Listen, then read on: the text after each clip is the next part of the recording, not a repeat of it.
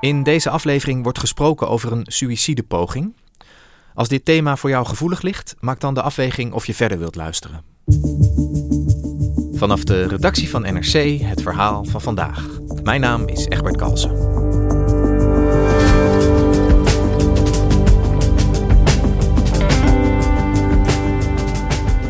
Op 17 september 2021 doodt Kenzo K. in een psychose zijn onderbuurvrouw en haar nicht. Ondanks eerdere signalen dat het niet goed met hem ging, werd er niet ingegrepen. En dit geval staat niet op zichzelf. Onderzoeksjournalist Bas Haan zocht uit waarom de zorg voor dit soort verwarde personen in Nederland al jaren tekortschiet, met alle risico's van dien.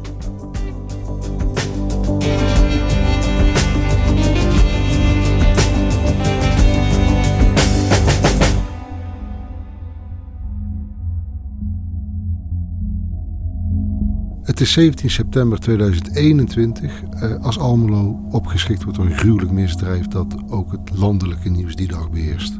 Twee mensen werden daar in een woning gedood, twee anderen raakten gewond. De dader is de 29-jarige Kenzo K., een alleenstaande jongeman. Hij stak de vrouwen meerdere keren in het flatgebouw waar hij woonde. Daarna schoot hij met een kruisboog op een verpleegkundige en een politieagent. De scherpschutter schakelde hem uit. Die dag is hij psychotisch met een mes naar de woning van zijn onderbuurvrouw gegaan en heeft zich met dat mes door de deur heen gevochten. Hij had eerder nooit een conflict met die vrouw. Ehm, en in die geweldsexplosie waren die vrouw en haar nicht kansloos. Ehm, in die geweldsexplosie is de politie gewaarschuwd. Die is gekomen. Kenzo is na het doden van de vrouwen teruggegaan naar zijn eigen appartement. En is toen vanaf het balkon met een kruisboog op de politie gaan schieten politie heeft Kenzo daarop met een politiekogel uitgeschakeld. Dat heeft hij overleefd, eh, weliswaar na langdurige coma. En inmiddels zit hij vast op de psychiatrische afdeling van de penitentiaire inrichting in Zwolle. Helaas zijn er heel veel meer zaken van psychotische mensen, verwarde personen die misdrijven plegen. En natuurlijk is dat allemaal gruwelijk. En in de eerste plaats dan uiteraard voor de slachtoffers zelf. Laat dat duidelijk zijn. Ik probeer al een tijdje de uh, vinger op de zere plek te leggen waar het dan misgaat bij die verwarde personen of psychotische mensen die een misdrijf plegen. En natuurlijk kende ik de zaak van Kenzo K. ook al als voorbeeld van een psychotische dader. Maar toen ik hoorde over wat er daarvoor met hem was gebeurd, voor de gruwelijke feiten, toen was voor mij duidelijk dat dit een exemplarisch voorbeeld was van het falen van het systeem.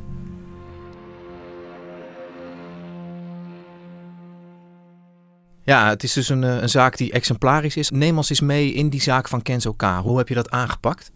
Het eerste wat opvalt is dat hij geen strafblad had. Het is een jongeman met een, ik zou bijna zeggen, getroubleerde jeugd zoals je zou verwachten. Dus uh, niet een standaard uh, vader, moeder, hond, rijtjeshuis, maar een vader uit beeld en uh, crisisopvang. Ehm, maar wel iemand die zijn leven op de rails zat. Iemand die gewoon een opleiding had gedaan, een normale baan had.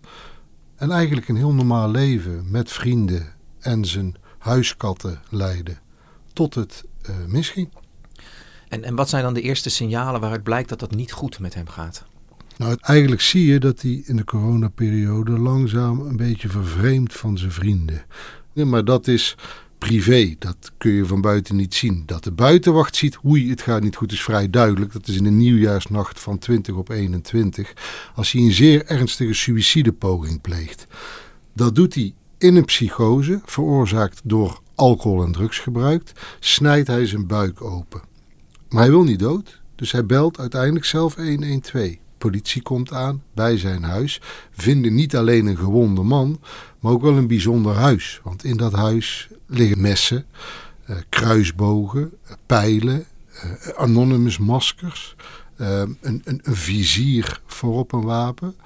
Allemaal zeer zorgwekkende dingen, maar niets illegaals. Dus voor de politie ligt daar een gewonde man die geholpen moet worden. Die dragen ze over aan de ambulance en worden naar het ziekenhuis gebracht. En die wapenvondst, ja, daar maken ze wel een notitie van. Maar daar kunnen ze verder niks mee en doen ze verder ook niks mee. Dus dan is de zaak een medische zaak van iemand die ernstig gewond in het ziekenhuis ligt. En wat gebeurt er vervolgens als hij naar dat ziekenhuis gebracht wordt? Hij is, hij is gewond. Hoe, hoe gaat dat daar? In plaats van dat daar de volledige focus ook op de suïcidepoging komt te liggen, wordt hij daar gewoon geopereerd en geholpen. En ja, daarna weer naar huis gestuurd. En de revalidatie die daarna uh, plaatsvindt, is fysiotherapie voor de verwondingen. Maar psychische hulp blijft nagenoeg uit. Ja, er komt een psychiater in het ziekenhuis langs, natuurlijk. Maar die geeft een doorverwijzing naar de huisarts en dan moet hij het maar mee regelen. En dat doet Kenzo K. niet. Want hij ziet zelf niet in dat hij hulp nodig heeft. Dus het is dan eigenlijk al wel duidelijk dat hij mentale problemen heeft, maar als hulp krijgt hij alleen die fysiotherapie aangeboden. Ja, daar komt het wel op neer. En hij gaat zich steeds verder isoleren van zijn omgeving, van zijn vrienden. Hij heeft ook geen contact meer met zijn moeder. Tot het de zomer is, zomer 21. En dan zit hij al dagenlang totaal vereenzaamd in zijn huis. Met alleen nog maar zijn kat uh, als contactpersoon. Uh, en gaat op enig moment, uh, verlaat hij zijn isolement om kattensnoepjes te gaan halen voor zijn poes. Dat doet hij bij de Jumbo en dat doet hij zonder te betalen. En dan wordt hij gesnapt door het winkelpersoneel. Die uh, hem achtervolgen, maar wel afstand houden. Want ze zien een verward iemand. Die tegen vuilnisbakken aanschopt. Die brievenbussen beslaat. En die zich op een gegeven moment omdraait en naar die mensen toe schreeuwt. Dus die supermarktmedewerkers die hem achtervolgen om een paar kattensnoepjes hebben al de politie aan de telefoon. Uh, de politie komt aan en dan escaleert het onmiddellijk. Um, uh, Kenzo slaat door een openstaand raam van een politiebusje richting de agenten. Die proberen hem in bedwang te houden. Uiteindelijk zijn er zes man agenten nodig om hem te bedwingen. En dan roept hij allerlei dingen over, nou ja, eh, complotten, overduidelijk verward gedrag. En deze man, de verwarde man, wordt dan uh, met handboeien om in het busje gezet en naar het arrestantencomplex in Borne afgevoerd weer een signaal dat het mentaal helemaal niet goed gaat met hem. Wat doen ze dan? De politie probeert in contact met hem te komen en dat lukt niet. Hij is in zijn psychose, is er geen communicatie met hem mogelijk. Hij zit uh, totaal in zichzelf gekeerd in zijn cel. Dus ze halen de crisisdienst van een GGZ-instelling erbij. Een psychiater en een uh, psychiatrisch verpleegkundige komen polshoogte nemen. Dit is op de tweede dag dat hij in dat arrestantencomplex zit. Nog steeds volledig psychotisch en dat constateert ook die crisisdienst. Geen contact mee te krijgen. Inmiddels is al bekend, oei, er lagen ook wapens in zijn huis en hij heeft verzet gepleegd bij zijn arrestatie. Dus de zorgen nemen toe. Eén agent heeft hem zelfs uit het verleden herkend. Dat is een jongen die goed in vechtsporten is. In deze toestand is dat een wandelende tijdbom, schrijven ze in de dossiers. Um, en die crisisdienst stelt vast van ja, deze jongen is waarschijnlijk psychotisch en is op dit moment ontzettend onberekenbaar, niet te beoordelen. Maar wij nemen hem niet mee, want in onze GGZ-instelling zitten ook andere patiënten en wij vinden dit te gevaarlijk. Hij is te gevaarlijk om op te nemen. En dan krijg je de krankzinnige situatie. De politie heeft iemand die voor het eerst een misdrijf pleegt en die een klein vergrijp heeft gedaan. Dus die stuur je naar huis met een dagvaarding, normaal gesproken. De GGZ zegt, ja, deze man is te gevaarlijk om op te nemen. Allebei hebben ze hun eigen verdeelde verantwoordelijkheden, maar niemand is verantwoordelijk voor het totaal. En dus laten ze hem gaan. En hij komt dus in die situatie gewoon weer op straat te staan? Ja, het enige wat hij krijgt is een dagvaarding voor de winkeldiefstal, oftewel een oproep om te verschijnen voor de rechter op enig moment. Hij krijgt een winkelverbod voor de Jumbo en hij krijgt advies om contact op te nemen met zijn huisarts. En voor de rest staat hij daar op het station met een pinpas die het niet doet. Uh, en mag hij van een dakloze geld lenen om een treinkaartje te kopen. Ja. En gaat hij naar huis. En dan verdwijnt hij van de radar. De politie probeert hem nog wel te bellen, te sms'en. Want die voelen ook wel aan, oei, misschien moeten we dit toch in de gaten houden. Maar die krijgen geen contact, rijden nog een keer langs. Hij doet niet open, maar daar laten ze het bij. En wat er in, in de twee weken daarna gebeurt, dat heeft op dat moment niemand in de gaten. Maar achteraf kun je zeggen dat bewoners zagen tal van signalen dat het niet goed ging. Hij liep uh, in de regen op blote voeten te mediteren. Hij Hij liep op handen en voeten eh, naar een hond te blaffen. Gewoon overduidelijk psychotisch gedrag. Maar er gebeurt niets. Tot twee weken na die winkeldiefstal, het 17 september is en het dus helemaal misgaat. En hij zijn onderbuurvrouw en haar nicht dood.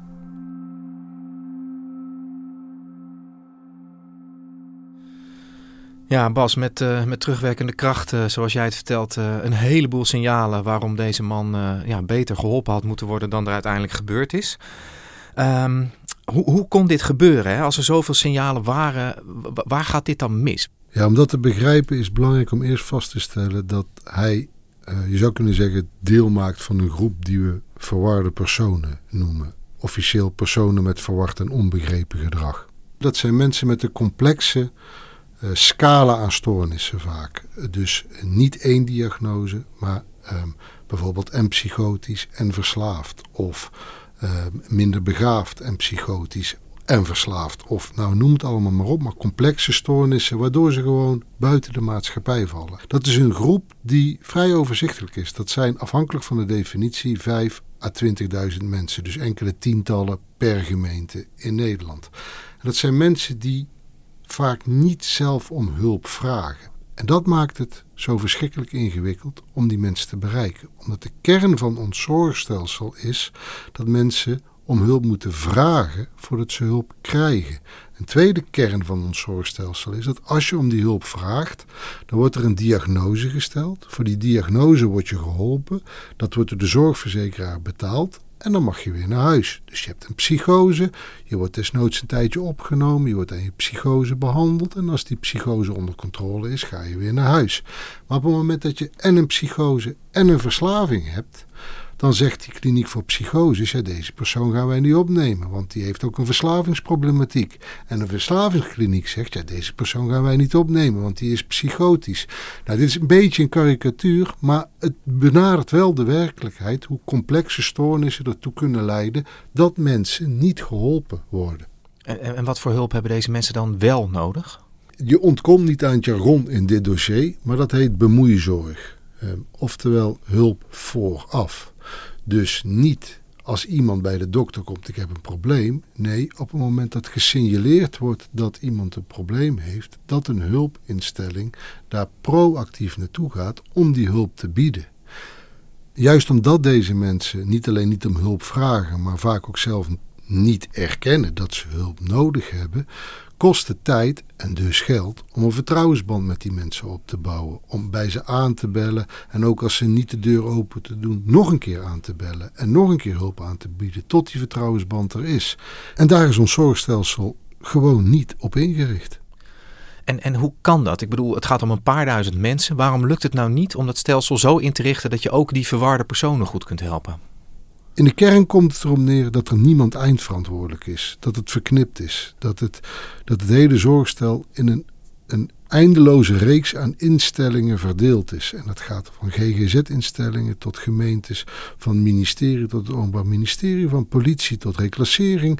Noem maar op. Al die instanties zijn voor een klein stukje verantwoordelijk, maar niemand voor het geheel. Laat staan eindverantwoordelijk. Die problemen worden versterkt door nog twee aspecten. Ten eerste de decentralisering. Eh, de zorg is door het Rijk uitbesteed aan de gemeente. En dat is gedaan onder het mom van, dan kan er meer maatwerk gegeven worden aan de mensen. Gemeenten hebben meer kijk op wat er in hun uh, gemeente gebeurt dan het Rijk. Een logische gedachte.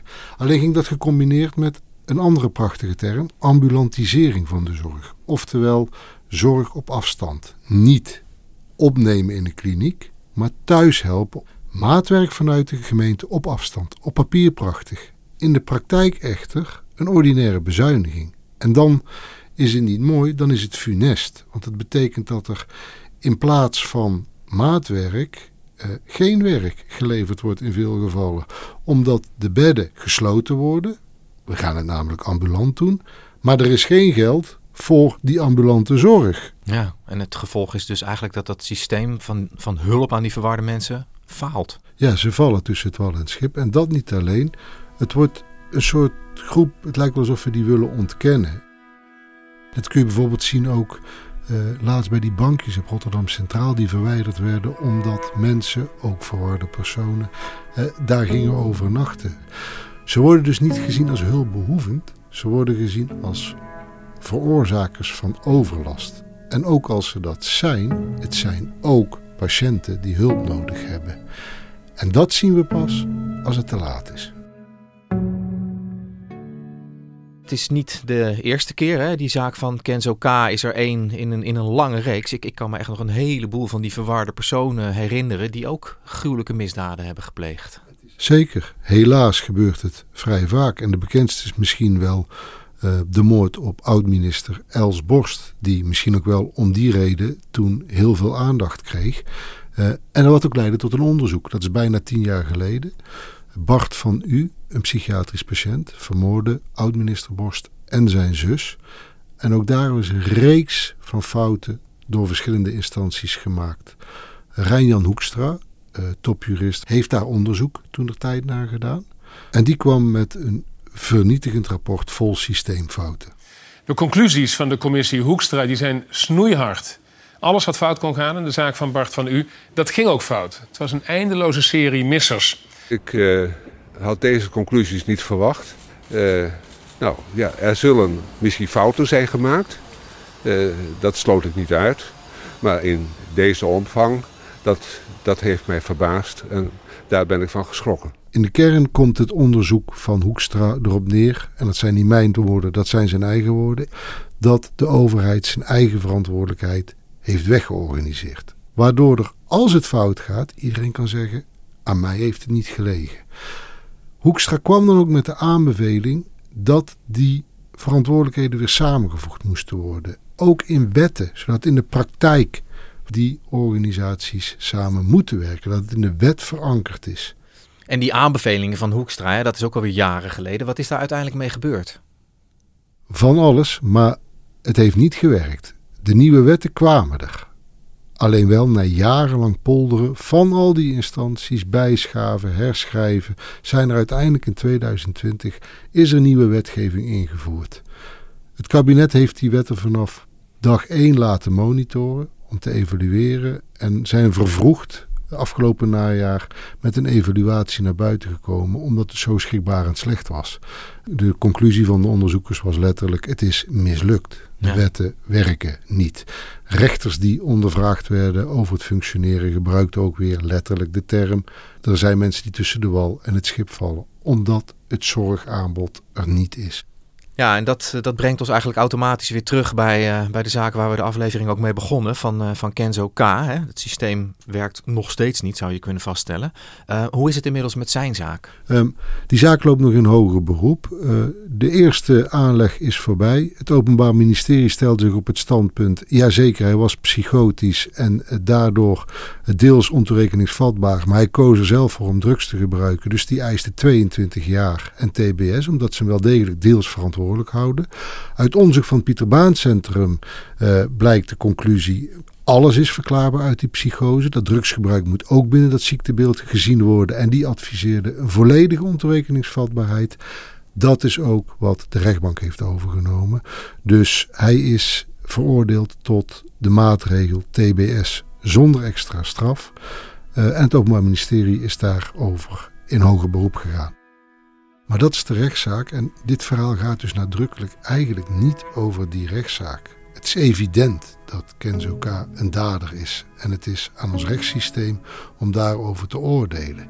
Maar wat je met deze systeemanalyse kunt zien is dat er daarnaast nog een verhaal is. En dat is het verhaal dat deze dader, deze daders, daarvoor verwaarloosde patiënten waren. Dankjewel Bas. Graag gedaan.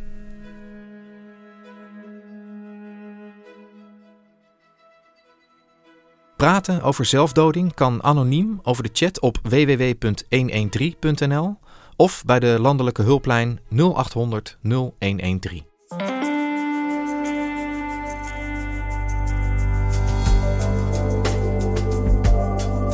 Je luisterde naar vandaag, een podcast van NRC. Eén verhaal, elke dag.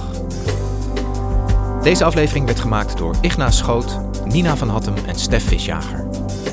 Coördinatie Henk Ruigrok van de Werven. Dit was vandaag. Morgen weer.